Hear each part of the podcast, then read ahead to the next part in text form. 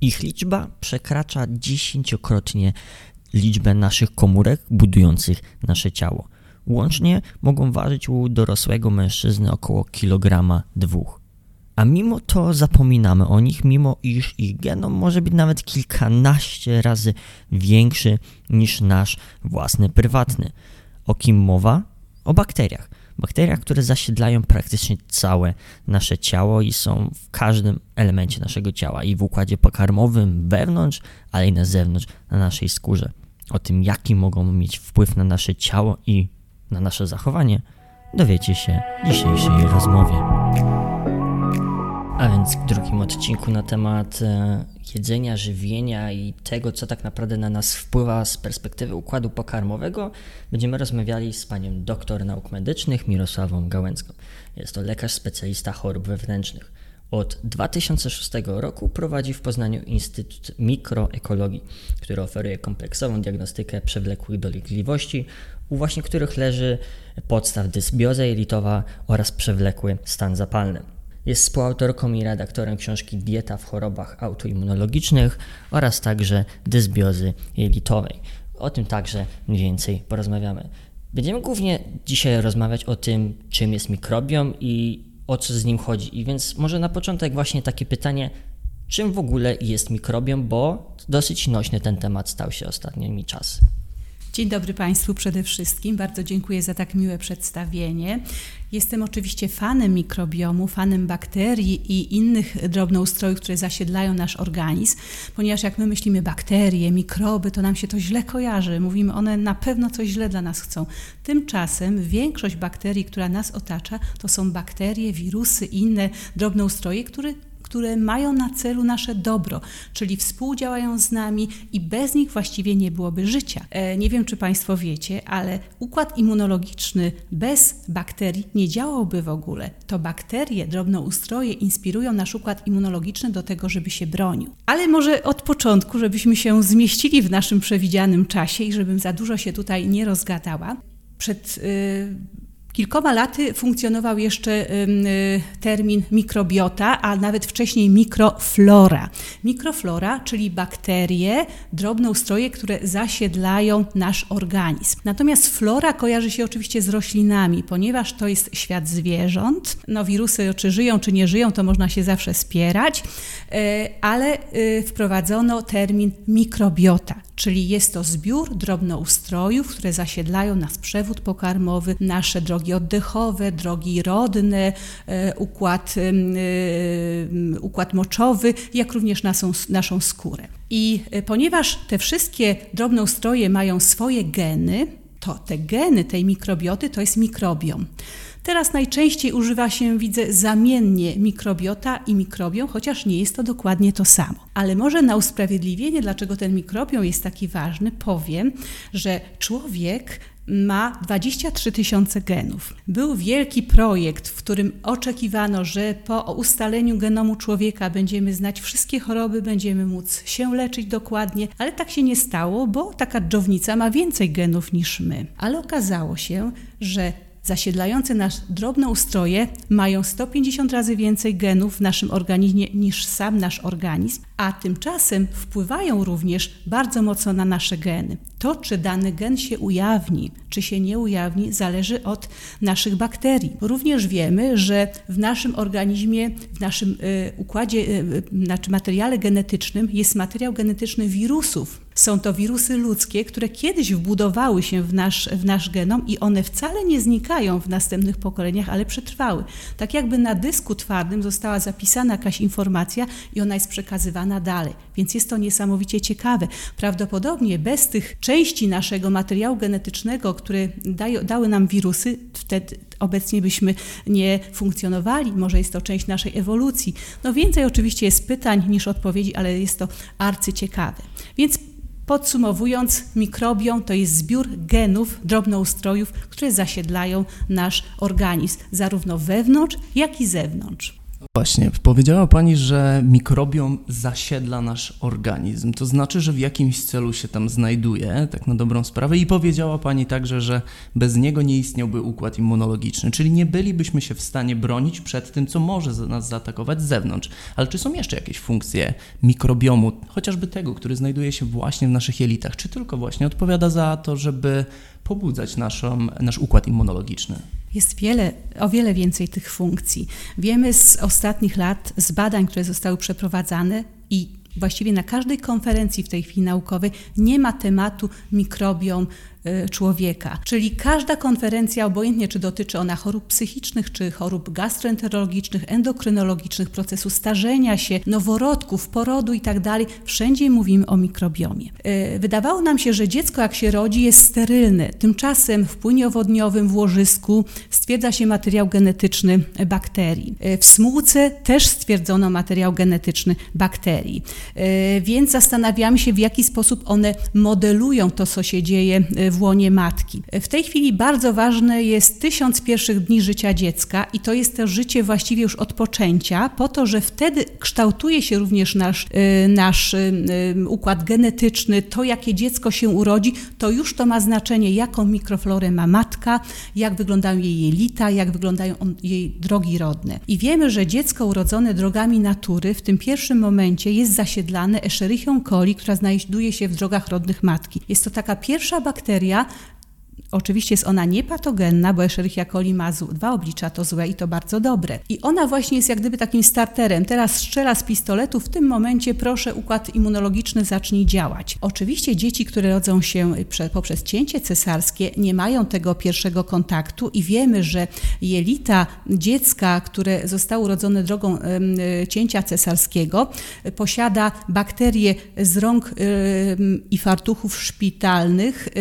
Nie są to patogenne patogenne bakterii, ale nie ma tych naturalnych, a powinno dostać tą Escherichia coli z dróg rodnych matki, a potem poprzez karmienie piersią dostaje bifidobakterium, to bifidobakterium zabiera troszeczkę tlenu z jelit i wtedy dopiero mogą się tworzyć inne mikroorganizmy. Jest to proces dojrzewania. Mówimy, że dziecko około 5 roku życia, jeżeli jest tak normalnie wychowywane, nie, nie ma antybiotyków podawanych, to ma ten dojrzały, wspaniały mikrobiom. I potem ten mikrobiom ma wiele różnych funkcji. Na przykład, nie wymienię wszystkich na pewno, ale trawi, pomaga nam w procesie trawienia. E, nie tylko nasze enzymy, które są wydzielane przez układ pokarmowy, ale również bakterie pomagają nam w trawieniu, na przykład pomagają w trawieniu glutenu. E, poza tym układ immunologiczny, o których powiedzieliśmy. Również bakterie wytwarzają witaminy, takie jak witamina K, witamin, witaminy z grupy B, to wszystko jest produkowane w naszych jelitach.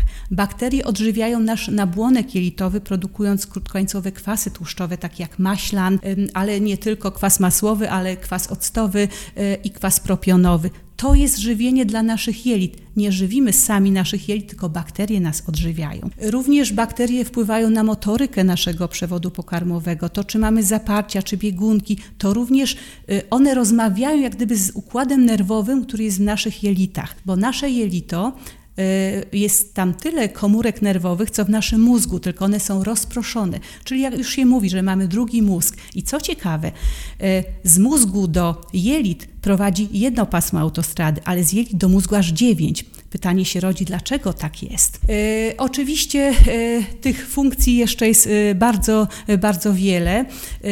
Również na przykład ochrona przed nowotworami, przed procesem karcinogenezy. Tu również bakterie odgrywają bardzo dużą rolę. Jak wiemy, mikrobiom jest niszczony oczywiście przez świat, w którym żyjemy, poprzez nasz styl życia, poprzez antybiotyki, trucizny, poprzez jedzenie, które spożywamy. Stres jest również bardzo ważnym faktorem, który wpływa na to, jaki mamy mikrobiom w jelit. Dlatego być może to, co się dzieje z nami w tej chwili, jest wynikiem tego, że troszeczkę nasza mikrobiota jelitowa się zmieniła. Jest teoria y, higieniczna profesora Strachana, która w latach 80. powstała, która mówiła, że dzieci, które są urodzone cięciem cesarskim, dzieci, które są w mieście, które e, znaczy rozwijają, urodziły się w mieście, mieszkają w mieście, e, są jedynakami, miały większą skłonność do alergii, miały więcej, e, więcej na przykład chorób autoimmunologicznych, były narażone na wiele różnych innych schorzeń.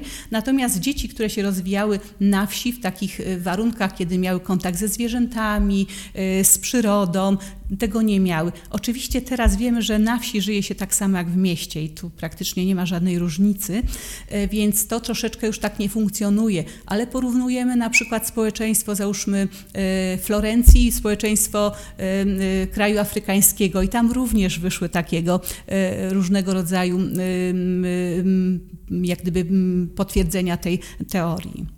To jest niesamowite, że coś na pozór tak wydawałoby się nieważnego, jak to, czy zostaniemy urodzeni w sposób naturalny, czy przez cesarskie cięcie, może de facto wpłynąć na resztę naszego życia, a na pewno na tę jego początkową fazę i mieć drastyczną różnicę, e, jeśli chodzi o nasz układ immunologiczny. Wspomniała Pani, że e, nasze jelita to de facto nasz drugi mózg, że mamy bardzo dużo e, tam nerwów. Gdzieś nawet spotkałem się z taką ciekawostką, że nasze jelita są bardziej unerwione niż posiada, ma więcej nerwów niż posiada cały koci mózg, więc de facto w pewnym sensie e, mamy jest, kota w brzuchu. Mamy kota w brzuchu, ale po co to jest? Czy to znaczy, że w jakiś sposób jelita mogą wpływać na zachowanie reszty ciała?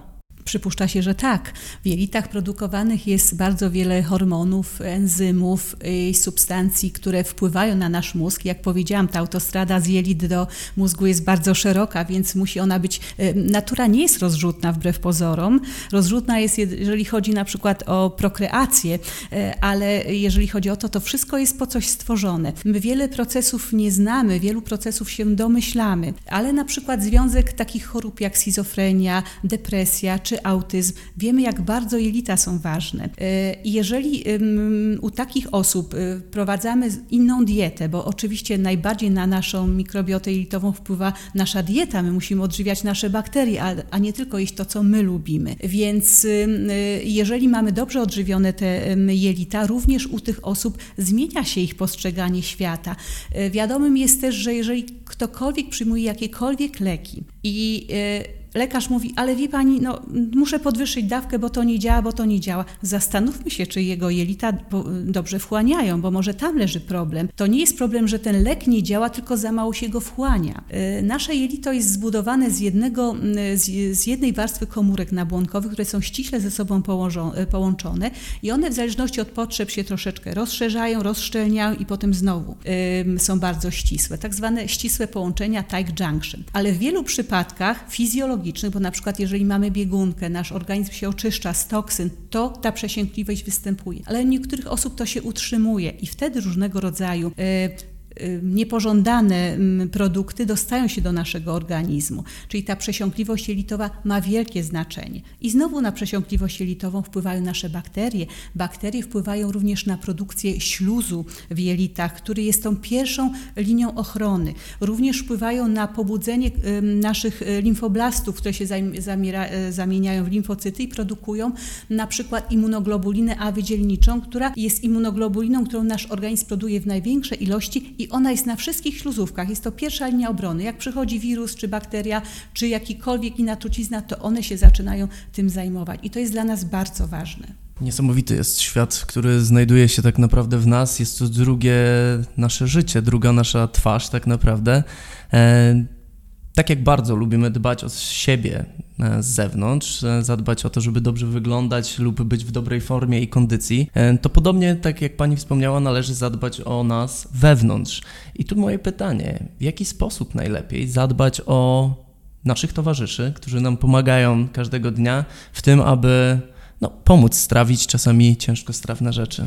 Bardzo ładnie Pan to powiedział. No, musimy o tych towarzyszy bardzo dbać, bo bez nich nie będzie naszego, y, naszego życia, bez nich sobie nie damy rady. Zanim przejdę do tego, w jaki sposób o nie dbać, to chciałabym y, y, opowiedzieć o takim eksperymencie. Mm, przeprowadzono go już parę lat temu, mianowicie myszy laboratoryjne, które są urodzone poprzez cięcie cesarskie, nie mają kontaktu z bakteriami.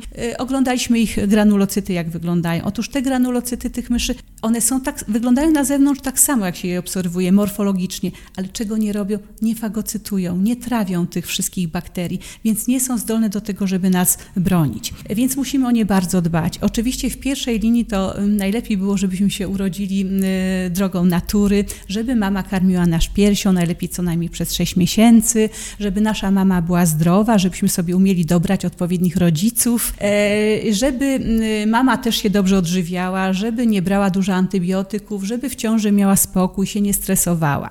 Potem, jak już się urodzimy, to y, y, powinniśmy po tych pierwszych sześciu miesiącach być też właściwie y, karmieni, przebywać w, w, dobrym środowisku domowym, y, mieć kontakt z dobrymi bakteriami, mieć kontakt z psem i kotem, bo też zwierzęta pozytywnie na nas wpływają, ba nawet już w starszym wieku powiedziano, że jeżeli są zwierzęta, załóżmy w domu starców, to ci ludzie żyją lepiej, a też mają lepszy mikrobiom.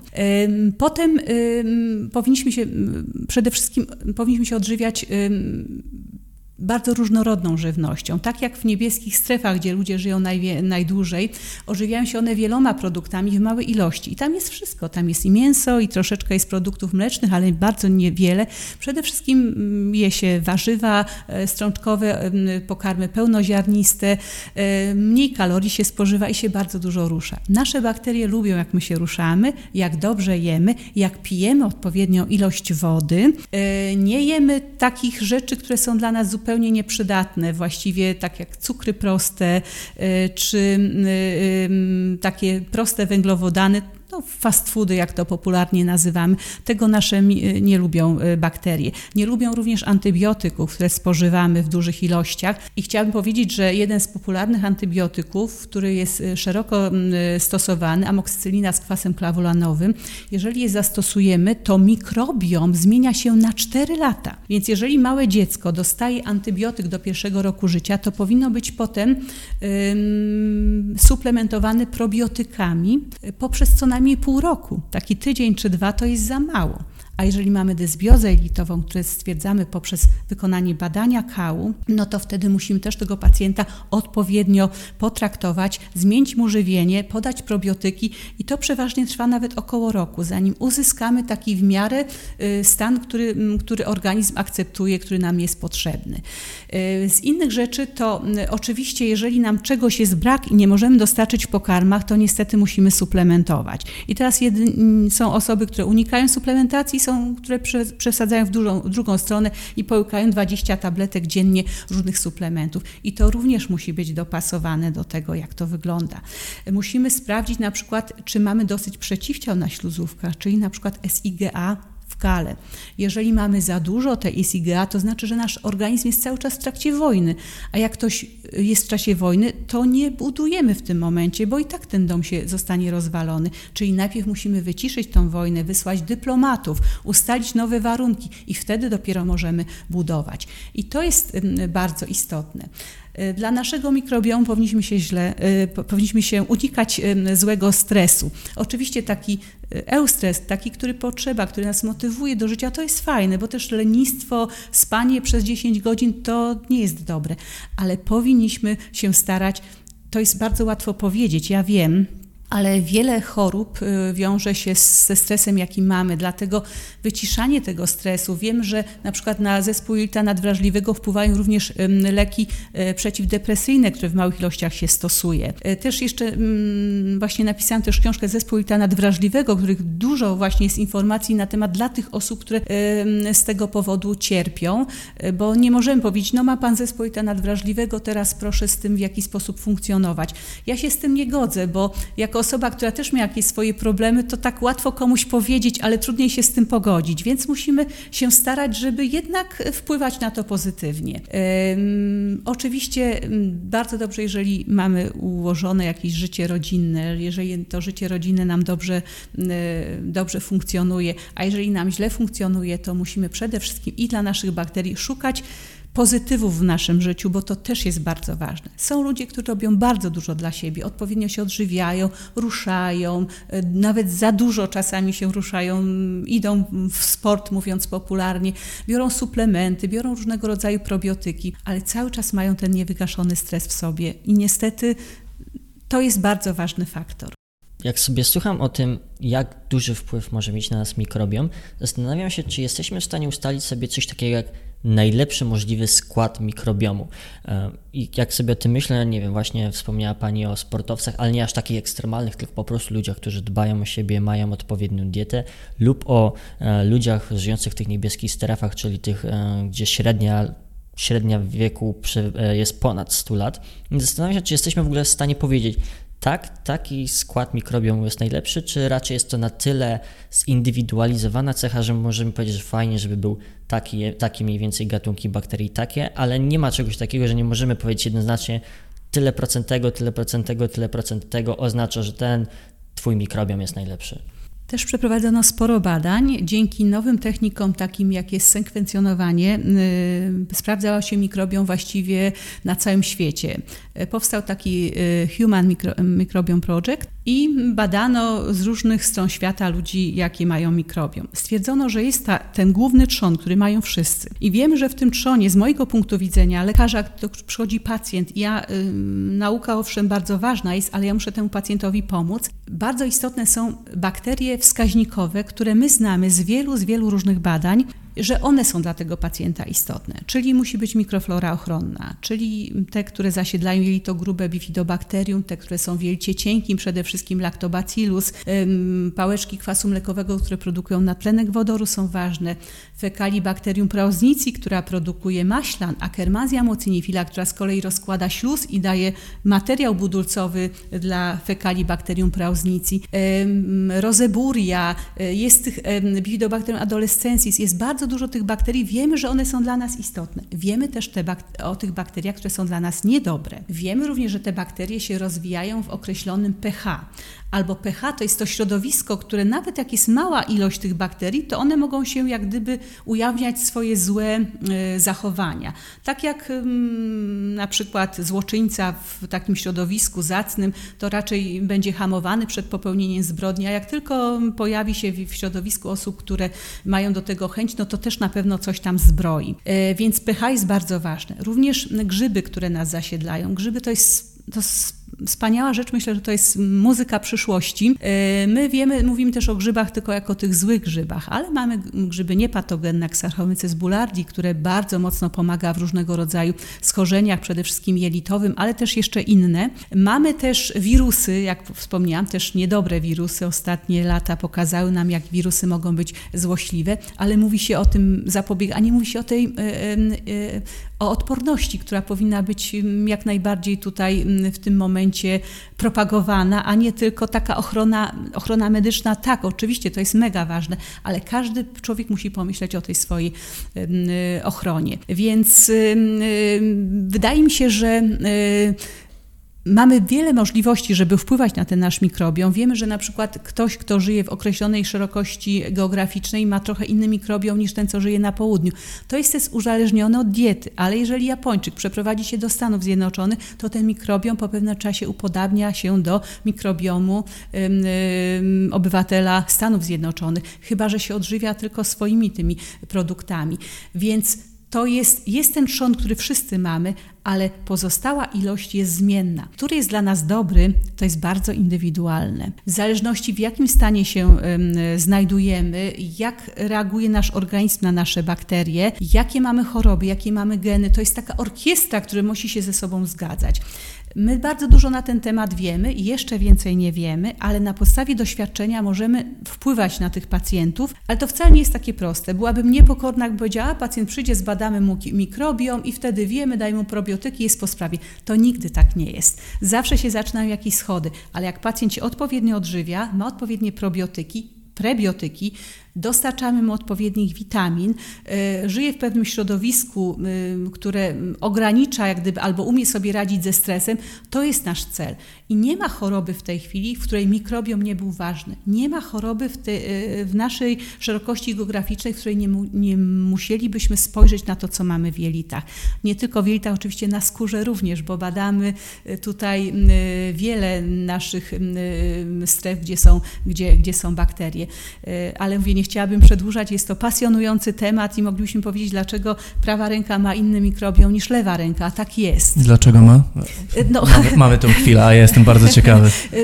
Właśnie nie mamy tego odpowiedzi dokładnie, dlaczego tak jest, ale one się różnią, czy może dotyka czegoś innego, czy to jest y, związane z jakimś unerwieniem, tego nie wiemy. Wiemy, że oczywiście tam pod pachami mamy inną mikrobiotę, mamy w okolicach intymnych inną mikrobiotę, bo tam jest, wydziela się więcej potu. Za nasz zapach y, i za za to, czy się komuś spodobamy, czy nie, czy pan będzie swojej dziewczynie ładnie pachnął, czy powie, nie, on cię dyskwalifikuje. Na to nie wpływają e, perfumy, ale na to wpływają również nasze bakterie, które tak potną nasz ten pot, że on będzie dla kogoś przyjemny. Przeważnie mama zawsze mówi, o ten mój synek to taki spocony, bo dla mamy to jest jak gdyby specjalnie jest ta ochrona. Y, kiedyś natura zrobiła, że tu nie powinniśmy mieć jakiejś y, y, chęci rozmnażania się, ponieważ jest to rodzina. E, I tak jest, ale dziewczyna czy mężczyzna ocenia kobiety po tym, jak mu pachnie. Czyli mikrobiom, tak na dobrą sprawę, dobry mikrobiom może na, za nas dużo zrobić już przy pierwszej randce, bardzo ciekawe. Ehm, powiedziała Pani o dwóch ważnych rzeczach, które myślę, że wielu osobom mogą się mylić, czym, a mianowicie prebiotyki i probiotyki. Ehm, czy jest to to samo, czy może jest to coś innego? Nie, to jeżeli, jest zupełnie coś innego. Je, jeżeli jest to coś innego, to właśnie, czym się różnią? Probiotyki to są bakterie lub mikroorganizmy, bo również zaliczamy do tego grzyby, które mają pozytywny wpływ na, wpływ na, nasz organizm i zostało to potwierdzone w badaniach, zarówno badaniach in vitro, jak i in vivo. Natomiast prebiotyki to są substancje, którymi się te bakterie odżywiają. Czyli to na przykład są ziemniaki, to są karczochy, to jest e, inulina zawarta e, w cykorii, to jest skrobia oporna i tak dalej, i tak dalej. Czyli to, co zawiera nasza żywność. Oczywiście my sobie teraz ułatwiliśmy, więc jeżeli jeżeli ktoś na przykład nie chce jeść za dużo warzyw, no to dajemy mu te probiotyki w postaci saszetek, w postaci tabletek, w postaci kapsułek, żeby ten jego mikrobiom się lepiej odżywiał. Czyli prebiotyki to jest jedzenie dla bakterii, a probiotyki to są te bakterie czy drobnoustroje, które mają na nas pozytywny wpływ. Mhm. A w jakich sytuacjach należy tak naprawdę się suplementować? Po, oczywiście wykluczając tutaj jakieś niechęci względem konkretnego produktu, ale w jakich sytuacjach należy stosować właśnie probiotyki? Probiotyki i prebiotyki. W których momentach swojego życia powinniśmy je zacząć stosować? Chyba, że bracie cały czas. Jak już wspomniałam, jeżeli ktoś jest chory, to powinien stosować te y, probiotyki i prebiotyki. Jeżeli mamy na przykład, y, jesteśmy przeziębieni, dostajemy antybiotyk, to bardzo ważne jest, żeby wtedy zastosować probiotyki, tylko też nie, nie musimy stosować, jeżeli jesteśmy zdrowi w bardzo jakieś zawsze wieloszczepowe. Mogą to być mniej szczep, zawierające dwa czy trzy szczepy, ale powinniśmy to zrobić i jak już wspomniałam, powinniśmy to robić dłużej, co najmniej miesiąc, a najlepiej by było, jakbyśmy stosowali 6 miesięcy, a u dzieci na pewno tak. Jeżeli stosowaliśmy jeden antybiotyk, nie pomógł i lekarz mówi, no niestety musimy zastosować inny, tym bardziej musimy się na to zdecydować. Jeżeli pojawiła się na przykład biegunka w trakcie, w trakcie stosowania antybiotykoterapii,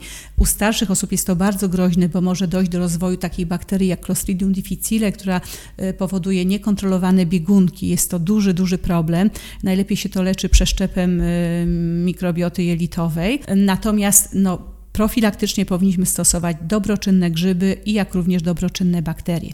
A jeżeli ktoś ma chorobę przewlekłą, to z mojego punktu widzenia nie ma takiej choroby przewlekłej, w której pacjent nie zyskałby na tym, że zbadamy jego mikrobiotę jelitową i stwierdzimy, czy tu jest y, punkt zaczepienia i czy możemy tutaj popracować. I wtedy zmieniamy mu dietę i podajemy określone probiotyki z tymi rękoma, to mi tak się wydaje, że najbardziej oczywisty jest fakt, że po prostu jedna z naszych rąk jest dominująca, więc nią częściej dotykamy te inne przedmioty, co za tym idzie. No właśnie, więc układ kontakt. Y, nerwowy, więc nasze zakończenia nerwowe.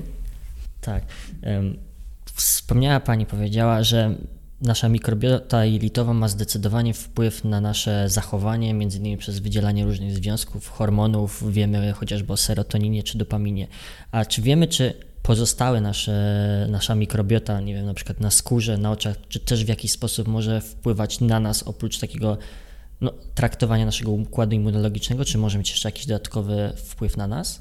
Nie potwierdzono tak konkretnymi badaniami, że na przykład to, jakie mamy bakterie na naszej skórze, e, w jakiś sposób wpływa na nasz ośrodkowy układ nerwowy. Pośrednio na pewno tak, ponieważ prawidłowa, e, znaczy zdrowa skóra powinna być zasiedlona prawidłowo i ona ma również pewne, pewną ilość takich bakterii potencjalnie patogennych, ale one nic nam nie robią w momencie, jeżeli ta skóra znajduje się w, jest normalna. Natomiast u osób, które mają atopowe zapalenie skóry, gronkowiec złocisty, który może się na skórze znajdować, dochodzi do głosu i może powodować różnego rodzaju problemy. Czy u osób, które mają na przykład łuszczycę, zmieniona jest ciągłość skóry, to jest wtedy bardzo, bardzo duży problem. Ale wiemy, że na przykład mikrobiota oka, nad którą teraz mm, mocno się pracuje, jamy ustnej, mikrobiota pochwy, które ma bardzo duże znaczenie, czy na przykład się będzie dostateczna ilość estrogenów, hormony nasze współgrają z, z naszymi bakteriami w, w pochwie, wzajemnie na siebie wpływają. Także e, są to tutaj e, bardzo istotne dla nas, e, dla nas problemy, czy, czy jakieś takie punkty, o które musimy zadbać, więc na przykład coś takiego, ja powiem jeszcze, żeby było śmiesznie, całowanie to też jest wymiana, zaszczepianie się wzajemnie bakteriami, dlatego jak się całujemy, to musimy zobaczyć, czy ktoś ma porządne uzębienie, bo wtedy warto się z nim zaszczepiać jego bakteriami lub też nie. Wymiana takich bakterii między ludźmi, jeżeli oni są zdrowi, no też ma pewien jakiś pozytywny wpływ. Wiemy o tym, że mm, Wspomniał też Pan przedtem o tym, czy mamy taką e, idealną mikrobiotę i tutaj szukamy dawców e, na przykład mikrobioty, czy jest taki super dawca, że on ma wszystko w porządku. E, ci dawcy przeważnie są badani, czy nie mają patogennych bakterii. Natomiast no, trzeba przyznać, że żeby stwierdzić, ta orkiestra jest dobra, no to dopiero się w praktyce okaże, ale są takie osoby, których kał jest wykorzystywany w leczeniu chorób z Clostridium difficile. Ale w tej chwili trwają, trwają badania, żeby przeszczepiać to mikrobiotę załóżmy osób z innymi chorobami autoimmunologicznymi, z chorobami z autyzmem, e, też takie badania prowadzone są, ale to wszystko jest jeszcze niedopuszczone jak gdyby do, do stosowania na szeroką skalę. Jedynie właśnie Clostridium difficile ma to wskazanie e, typu A do tego, żeby e, stosować to w codziennej praktyce. Mhm. Słyszałem kiedyś właśnie o takich badaniach. E, swoją pracę inżynierską pisałem między innymi o, tam, o, o serotoninie i tak naprawdę jej wpływie do, do i po korelacji związanej z e, autyzmem. I właśnie kiedyś miałem okazję rozmawiać z jedną z pacjentek, której syn był e, osobą ze spektrum autyzmu i, i powiedziała, że odstawienie mleka jako takiego um, dało zatrważające efekty, to znaczy dziecko faktycznie potrafiło lepiej się komunikować e, i o w ogóle właśnie zastosowaniach takich medycznych na pewno można dużo, dużo tutaj przeczytać. Zastanawiam się, e, jak w którym momencie będziemy, jesteśmy teraz i gdzie, gdzie zmierzamy? Czy myśli Pani, że mikrobiota jako taka i badania wokół mikrobioty mogą rozwiązać nam problemy z wieloma chorobami? To znaczy, czy powinniśmy skupiać się na tej mikrobiocie w bardzo szerokim spektrum tutaj chorób, czy e, raczej dotyczyć to będzie też tylko takich na przykład chorób no, autoimmunologicznych na przykład? Uważam, że mikrobiota będzie w przyszłości stanowiła e, podstawę do tego, żeby, jak powiedziałam, każdy pacjent, który ma przewlekłą chorobę, którego nie możemy wyleczyć szybko, bo w tym bardzo dobra jest w tej chwili nasza zachodnia medycyna, to powinniśmy u niego tą mikrobiotę badać. Wspomniał Pan o serotoninie. Serotonina jest produkowana w jelitach, nie w mózgu, tam jest jej najwięcej. I do tego potrzebne są też dobre bakterie. E, mleko, kazeina jest trawione w przewodzie pokarmowym. Niektóre małe dzieci mają takie bakterie, które powodują, że one mają małą fabrykę alkoholu w jelitach i to z kolei z jelit y, z, zbierane jest do żyłą wrotną, idzie do wątroby. Wątroba jest obciążona i to powoduje również obciążenie naszego ośrodkowego układu nerwowego. To jest znane już, y, w jaki sposób mleko na to wpływa. Poza tym pokarmy niektóre, które są źle trawione, które jeżeli mamy jelito przesiąkliwe, prze, y, w większej ilości przenikają do naszego organizmu i powodują tak zwane silent inflammation, czyli ciche zapalenie. To są tutaj produkowane wtedy przeciwciała w klasie IgG. To nie jest klasyczna alergia, tak jak natychmiastowa alergia, gdzie coś spożywamy albo mamy kontakt z pyłkami brzozy i potem mamy, dusimy się, czy mamy zmiany na skórze, tylko się to rozwija z dnia na dzień. Y, troszeczkę alergolodzy tutaj mają, nie zajmują się tym problemem, natomiast ja od 20 lat obserwuję tych pacjentów. Jeżeli my zmienimy dietę u tych osób i jeżeli one rzeczywiście produkują przeciwciała w klasie IgG na pokarmy i odstawienie tych pokarmów działa bardzo dobroczynnie, po prostu zmniejszamy to zapalenie wypalenie i organizm ma czas, żeby zająć się czymś innym, żeby zaczą, zaczą, e, zająć się procesem e, zdrowienia, a nie zwalczaniem czegoś, co w sumie dla nas nie jest, traci energię na to niepotrzebną. Wielokrotnie to obserwowaliśmy. Są badania na przykład i w migrenie, i w autyzmie, nawet badania porównujące dietę FODMAPową z dietą według immunologicznego profilu żywności, która mówi, że to jest dla nas bardzo ważne. Ale tu znowu na początku są bakterie, bo są, jest, bakterie są niewystarczające do tego, żeby zachować ciągłość naszego nabłonka jelitowego. Mamy rozszerzone tight junction, mamy przesiąkliwość jelitową, pokarm przechodzi w głąb organizmu, a nasz układ immunologiczny mówi, no za dużo ciebie jest, to ja muszę teraz produkować przeciwciała. Mam przed sobą książkę mm, pani autorstwa z ona o tytule Dysbioza jelitowa, znaczenie, diagnostyka i terapia. Zastanawiam się, e, po pierwsze, czym jest dysbioza jako taka, no i co, co może autor, znaczy co może e, czytający e, za informacje najciekawsze znaleźć właśnie w tej książce. Starałem się w tej książce zawrzeć tak po kolei wszystko od początku do końca. Dysbioza jelitowa, no ktoś yy, może, może to brzmi tak jakoś yy, trochę trudno dla każdego, natomiast dysbioza polega na zaburzeniach ilościowych i jakościowych drobnoustrojów, które mamy w naszym jelicie. Czyli to wszystko, które jest związane z chorobami, o których mówiliśmy, autoimmunologiczne choroby, tak jak Hashimoto, alergie, nadwrażliwości pokarmowe, zaburzenia enzymatyczne, otyłość, cukrzyca, bym wymieniała oczywiście choroby, z, choroby psychiatryczne, jak depresja, schizofrenia. Tych chorób jest bardzo dużo. Mówię, nie mogłabym wymienić takiej choroby, na której to nie miałoby wpływ.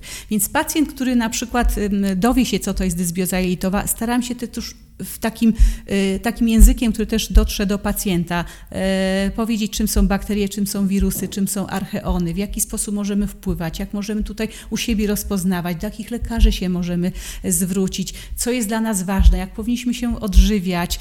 Y, wszystkiego jest tutaj po trochu, także no dla mnie jest to takie podsumowanie tego, co bym każdemu mojemu pacjentowi chciałam powiedzieć. To ja mam ostatnie pytanie w zasadzie. Dużo pacjentów, coraz więcej pewnie osób, które się zgłasza do Pani, ma różne choroby właśnie autoimmunologiczne. Choroby autoimmunologiczne często chodzą w parze, lubią podobno. Zawsze. E, a nawet zawsze.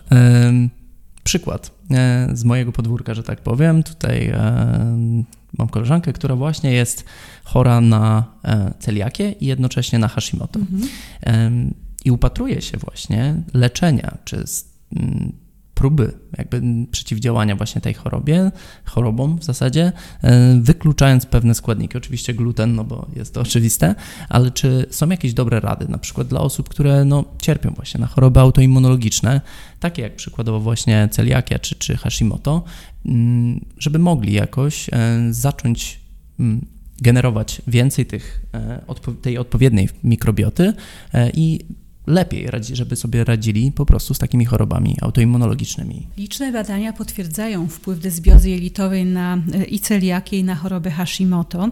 E, ja u pacjentów, którzy mają chorobę Hashimoto, ponieważ są zalecenia wielu dietetyków, żeby odstawiać im a priori gluten i te, e, nawet niektórzy robią to tak, że zawsze się odstawia gluten w Hashimoto. Ja wiem, jak trudne jest odstawienie glutenu, więc jeżeli badamy u pacjenta i nie ma celiaki, no to musimy sobie zadać pytanie, jak intensywna jest jest w tej chwili y, przebieg choroby Hashimoto, czy bardzo wysokie są przeciwciała. Natomiast zawsze przy chorobach autoimmunologicznych sprawdzam geny DQ2, DQ8 w kierunku celiaki. Jeżeli jeden z tych genów jest dodatni, jeden wystarczy, nie ma, y, nie ma przeciwciał, y, nie ma przeciwciał przeciwko transglutaminazie tkankowej, ani przeciwko endomyzjum, a geny są, nie ma też w badaniach, w badaniach endoskopowych y, wycinku, że ta celiakia jest, to mimo to zalecam pacjentowi dietę bezglutenową. Ale proszę mi wierzyć, że to jest bardzo poważna rzecz y, i pewne ograniczenie, więc dlatego podchodzę do tego bardzo poważnie. Natomiast pacjenci też z chorobami autoimmunologicznymi, gdzie organizm produkuje niepotrzebnie przeciwciała na coś, co jest właściwie dla niego niegroźne, albo na swój własny, tak jak przy chorobie Hashimoto, na swoją własną ym, tkankę, jeszcze raz podkreślam, że musimy powiedzieć, które jeszcze odstawić na przykład pokarmy, ponieważ wtedy organizm się jak gdyby wycisza. ta wojna zostaje uciszona, to silent inflammation, to ciche zapalenie, bo gluten jest oczywiście bardzo ważny, ale czasami są inne pokarmy. Najczęściej oczywiście są to jajka, są to produkty mleczne, ale bywa też, że to jest mięso, niektóre ryby, niektóre warzywa, czyli musimy tego pacjenta potraktować tak całościowo. Musimy zobaczyć, czy jeszcze ma alergię, bo teraz to mamy totalny miszmasz czasami u pacjentów. Mają chorobę autoimmunologiczną, mają alergię, a jeszcze mają na przykład skłonność do infekcji, czyli z jednej strony organizm zajmuje się czymś, co nie powinien, ale nie broni się przed infekcjami. I tu w tych chorobach dysbioza jelitowa jest podstawą, żeby znaczy określić, czy ona jest, czy nie i żeby ją leczyć. Jak widać, e, sława, jesteś tym, co jesz, ma tutaj ogromne znaczenie i to, jak jemy, to, czy uprawiamy sport, jak dużo, to, czy się stresujemy, wpływa nie tylko na nas samych, ale jak widać i na całą mikrobiotę, która, jak widać, zasiedla nie tylko nasze jelita, ale cały układ pokarmowy, naszą skórę, oczy, ale także i na, narządy rozrodcze. Więc jak widać, jesteś tym, co jesz, pamiętajcie, to jest nasze takie słowo na pożegnanie, bo jest niezwykle ważne. Dziękujemy serdecznie Pani doktor za naprawdę bardzo ciekawą e, rozmowę i pokazanie to, jak bardzo tak naprawdę wydawałaby się nieważna rzecz, jak to, co dzisiaj zjesz na obiad, może wpłynąć jak na bardzo dużą ilość czynników. Dziękujemy Pani Dziękuję doktor. bardzo. Dziękujemy serdecznie i zachęcamy do kolejnych odcinków.